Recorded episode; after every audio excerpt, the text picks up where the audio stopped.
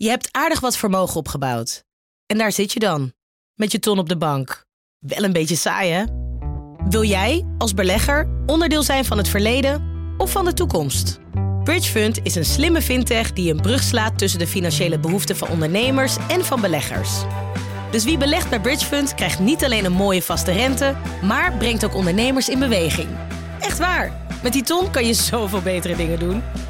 Bridgefund. Make money smile. Benzine en elektrisch. Sportief en emissievrij. In een Audi plug-in hybride vindt u het allemaal. Ervaar de A6, Q5, Q7 en Q8 standaard met quattro vierwielaandrijving. Wat u ook zoekt, u vindt het in een Audi.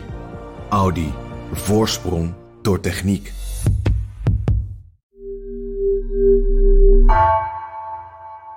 Vanaf de redactie van NRC het verhaal van vandaag. Mijn naam is Geertje Tunter.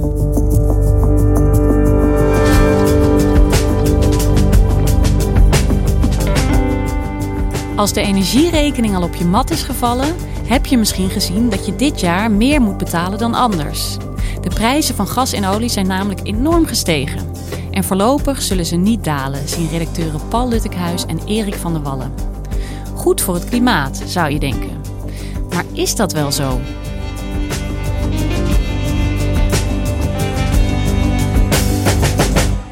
Nou, we hebben gezien dat een aantal maanden geleden de prijs eh, aan de benzinepomp al eh, naar een recordhoogte steeg. We, zelfs de, de 2 euro eh, per liter werd bijna aangetikt. Nou, dat is, dat is nogal wat. Het, het oude record was bijna 10 jaar geleden was onder de 1,90. Dus dat geeft wel aan dat dat flink is gestegen.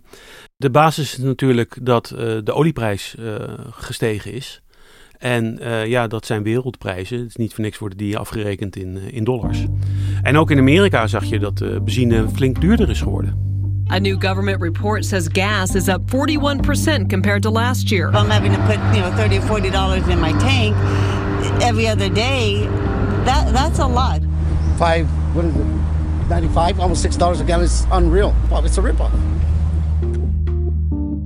Het was zo uh, hoog dat president Biden uh, de OPEC opriep. Dat is uh, ja, de internationale organisatie van olieproducerende landen. Om ja, de oliekraan weer wat meer open te zetten, zodat de prijs gedrukt zou worden.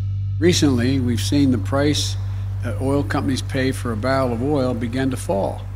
But the cost of gasolines at the pump for more American people hasn't fallen. En dat is opvallend, omdat Biden natuurlijk juist in Nederland inmiddels bekend staat als president uh, voor wie het klimaat erg belangrijk is.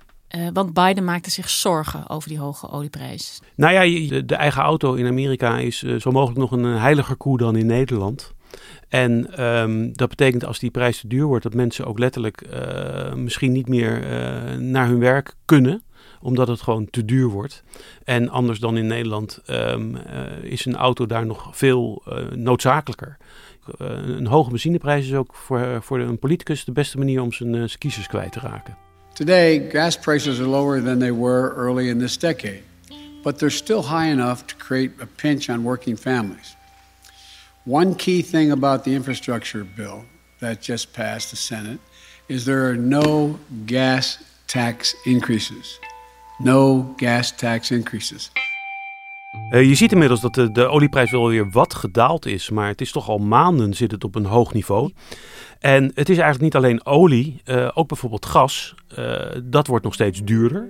Maar het zorgt in ieder geval voor dat jouw energierekening flink aan het stijgen is.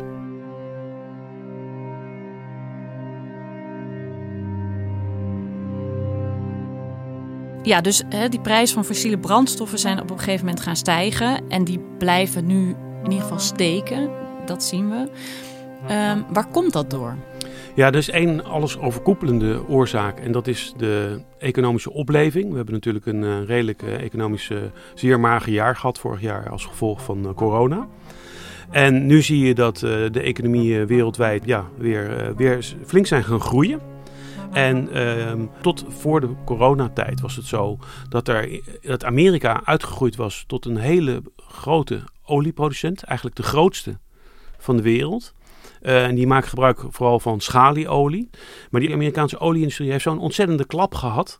dat die uh, nog wel even wachten met opnieuw te gaan investeren. Want tijdens het begin van de coronapandemie zijn die olieprijzen bijna naar nul gegaan. Ja, ik kan me zelfs herinneren dat je geld toekreeg volgens ja, mij op een gegeven ja, moment. dat waren wel termijn, korte termijn contracten. Maar goed, Ja. je hebt helemaal gelijk.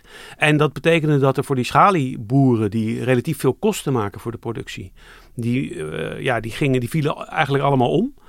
Ja, ze, ze concentreren zich nu iets meer op het geld verdienen en minder op het investeren.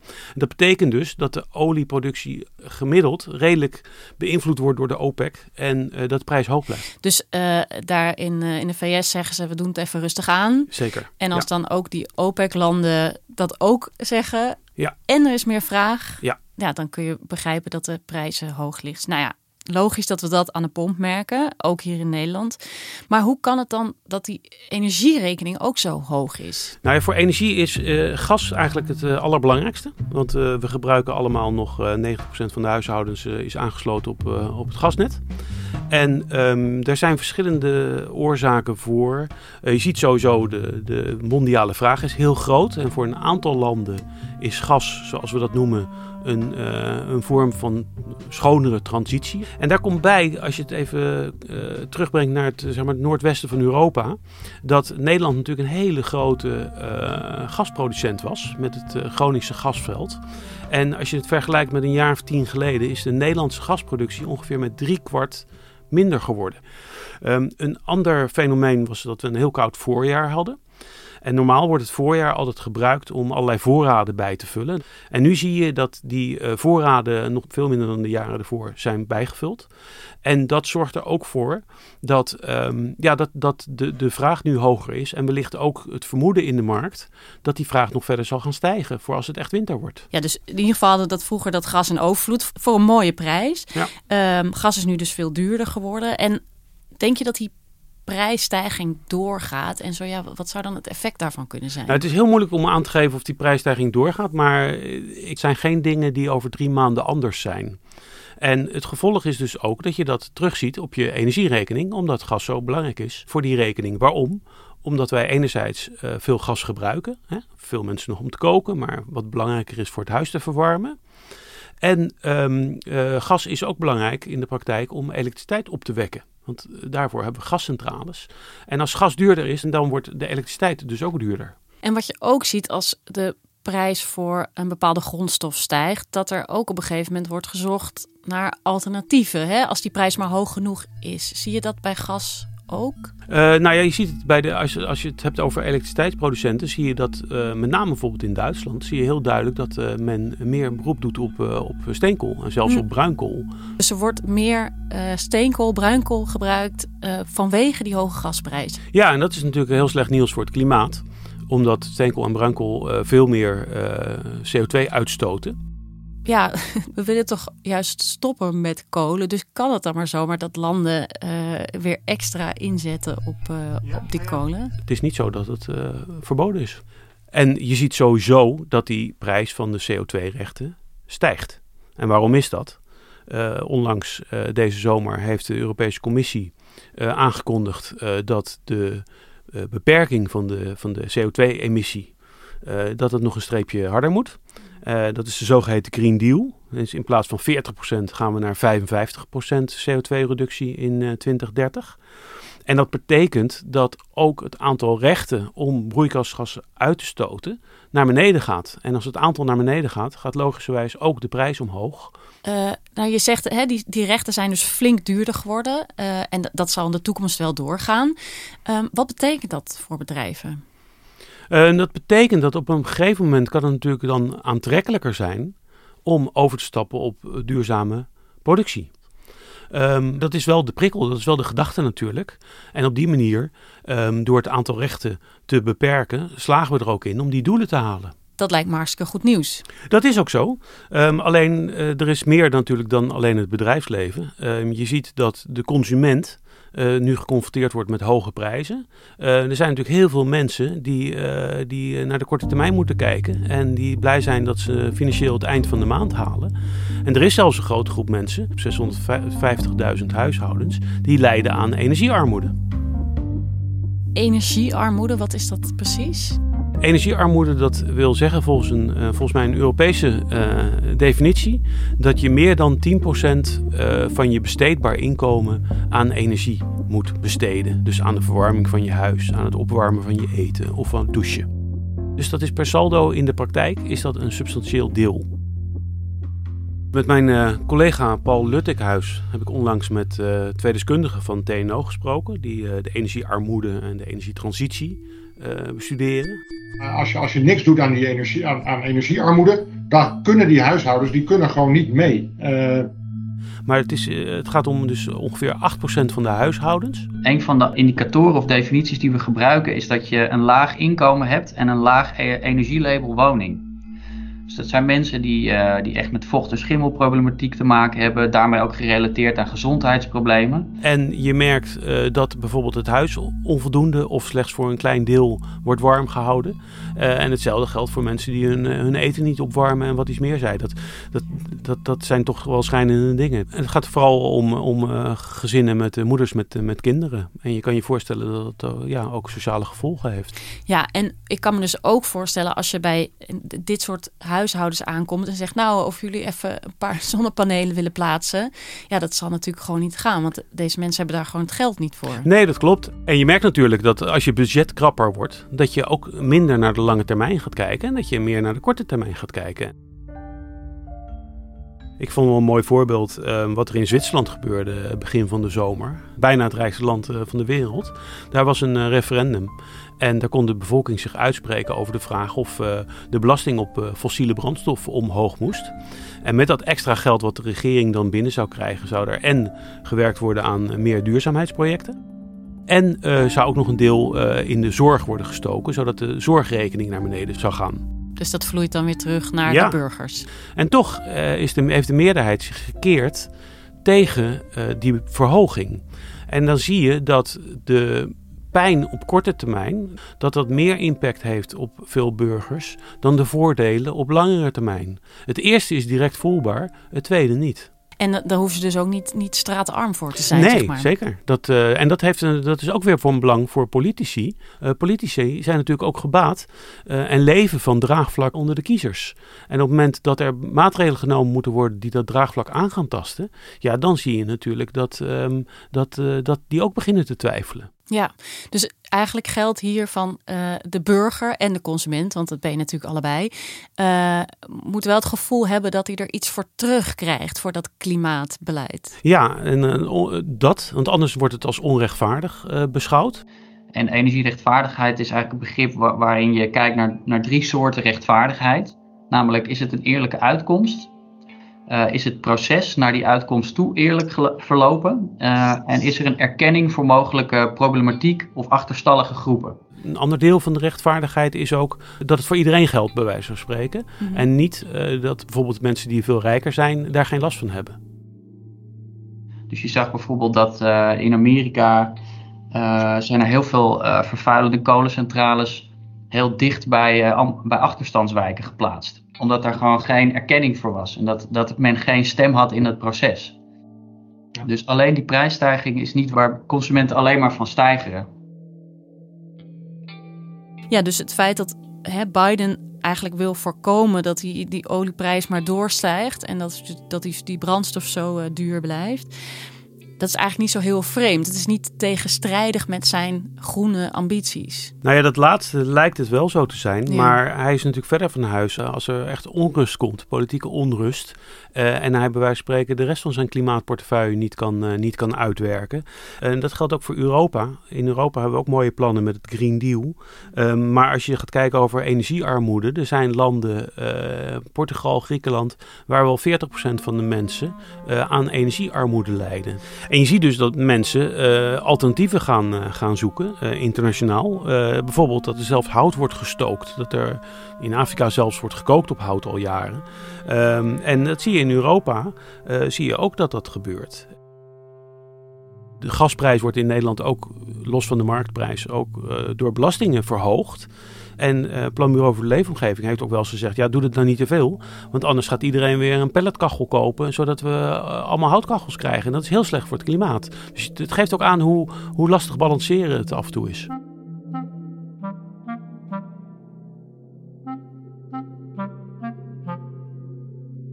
Bedrijven worden door die hogere prijzen van bijvoorbeeld fossiele brandstof worden echt gestimuleerd om om groener te worden. Nou, bij consumenten werkt het niet altijd zo. Hoe krijg je dan consumenten en burgers ehm, onder dit soort omstandigheden mee met die energietransitie? Een vorm van gericht beleid is bijvoorbeeld in Nederland dat gas zwaarder wordt belast en elektriciteit juist minder. Om ook mensen, huiseigenaren, uh, ertoe te krijgen dat ze misschien eerder de cv-ketel de deur uit doen en elektrische warmtepomp aanschaffen. Niet voor niks heeft bijvoorbeeld Maarten van Poelgeest binnen het klimaatakkoord voorgesteld om die belastingverhoging op gas, om die nog ja, een extra tandje te geven, dus extra aan te zetten in vergelijking met de afgelopen tijd. En stroom goedkoper te maken, zodat van gas afgaan, dat dat economisch uh, sneller uitkomt. Uh, maar die heeft voorgesteld om de eerste duizend kuub uh, gas die je gebruikt, om die juist te ontzien van die extra verhoging. Zodat mensen met een relatief klein huis en een relatief kleine portemonnee uh, daar minder, veel minder last van hebben van die belastingverhoging. Ja, dus het idee is dat zij dan misschien nog op gas kunnen blijven verwarmen. En dat mensen die een groter huis hebben en een grotere portemonnee dus wel die warmtepomp nemen. Ja, en dat die dus wel uh, financieel worden getroffen door, die gas, door die belastingverhoging op gas. maar die dat ook kunnen hebben en, um, en uh, inderdaad die transitie maken. Opvallend natuurlijk, want het gas is al heel duur. Hè? Maar dan moet de overheid dat dus nog duurder maken. Ja, en dat is ook een, ook een probleem wat je ziet. Hoe ontzettend moeilijk um, uh, beleid kan zijn. Uh, en ook wat de effecten zijn. Uh, meer belasting op gas, hè, dat is eigenlijk ook overheidsbeleid. maar er zitten ook nadelen aan. bijvoorbeeld TNO zegt, ja, kijk... Uh, iedereen krijgt dan dat voordeel van die eerste duizend kubieke meter gas, uh, dat dat minder belast wordt. Terwijl die mensen het niet allemaal nodig hebben. Ja, want dat zien ze eigenlijk als weggegooid geld. Dat je rijke mensen eigenlijk nog, nog iets meer toeschuift. Ja, dus in die zin uh, pleit TNO voor meer gericht beleid, zoals ze bijvoorbeeld in Engeland zagen. In Engeland hebben ze bijvoorbeeld gezien dat er veel ouderen zijn die in slechte woningen wonen. En die gaan vaak gepaard met uh, uh, veel, veel meer last van reuma. Dus hebben ze gezegd, nou voor die groep willen wij specifiek in de wintermaanden uh, een, een, bepaalde extra subsidie geven, zodat ze meer kunnen stoken. Ik kan je natuurlijk voorstellen dat mensen die het echt nodig hebben, dat die extra worden geholpen bij het verduurzamen van hun huis. Hè, dat het een einde komt aan de, de vochtplekken en uh, noem alles maar op. En, en, en, TNO vond ook uit dat de investeringen die, uh, die, die je doet om uh, juist die mensen uit de energiearmoede te helpen, um, dat, dat, dat die heel erg effectief zijn. Wat we wel weten bijvoorbeeld, is dat als je uit internationaal onderzoek is dat als je 1 euro investeert in energiearmoedeproblematiek, dat dat 2,5 euro aan sociaal-maatschappelijke uh, kosten vermijdt. Dus dat vermijdt huisartsenbezoek, dat vermijdt ziekenhuisopnames, uh, dat betekent meer werkgelegenheid. Nou, ik denk dat het vooral uh, juist op dat niveau bij die mensen ervoor zorgt dat het mes aan meerdere kanten snijdt. Um, dat niet alleen een huis uh, prettiger wordt, maar ook dat hè, daarmee gezonder ook voor het klimaat, als het goed is, maar ook gezonder voor hun.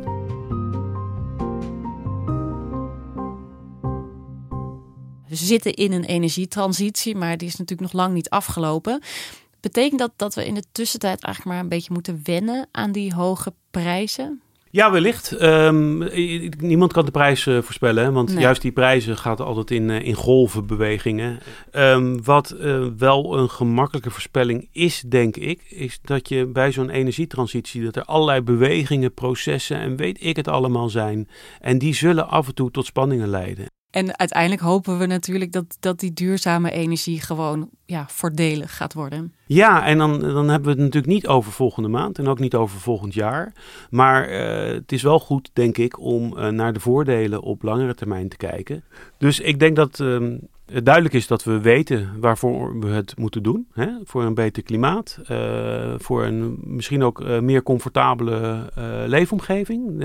denk aan mooie elektrische auto's of een, een duurzaam ver, verwarmd huis wat, wat veel prettiger is. Ehm, maar dat gaat niet vanzelf.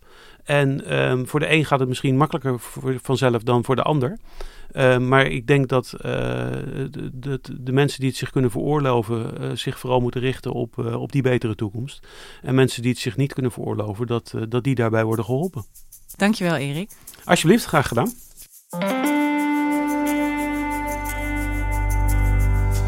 Je luisterde naar Vandaag, een podcast van NRC. Eén verhaal, elke dag. Deze aflevering werd gemaakt door Esme Dirks en Stef Visjager. Dit was vandaag, maandag weer.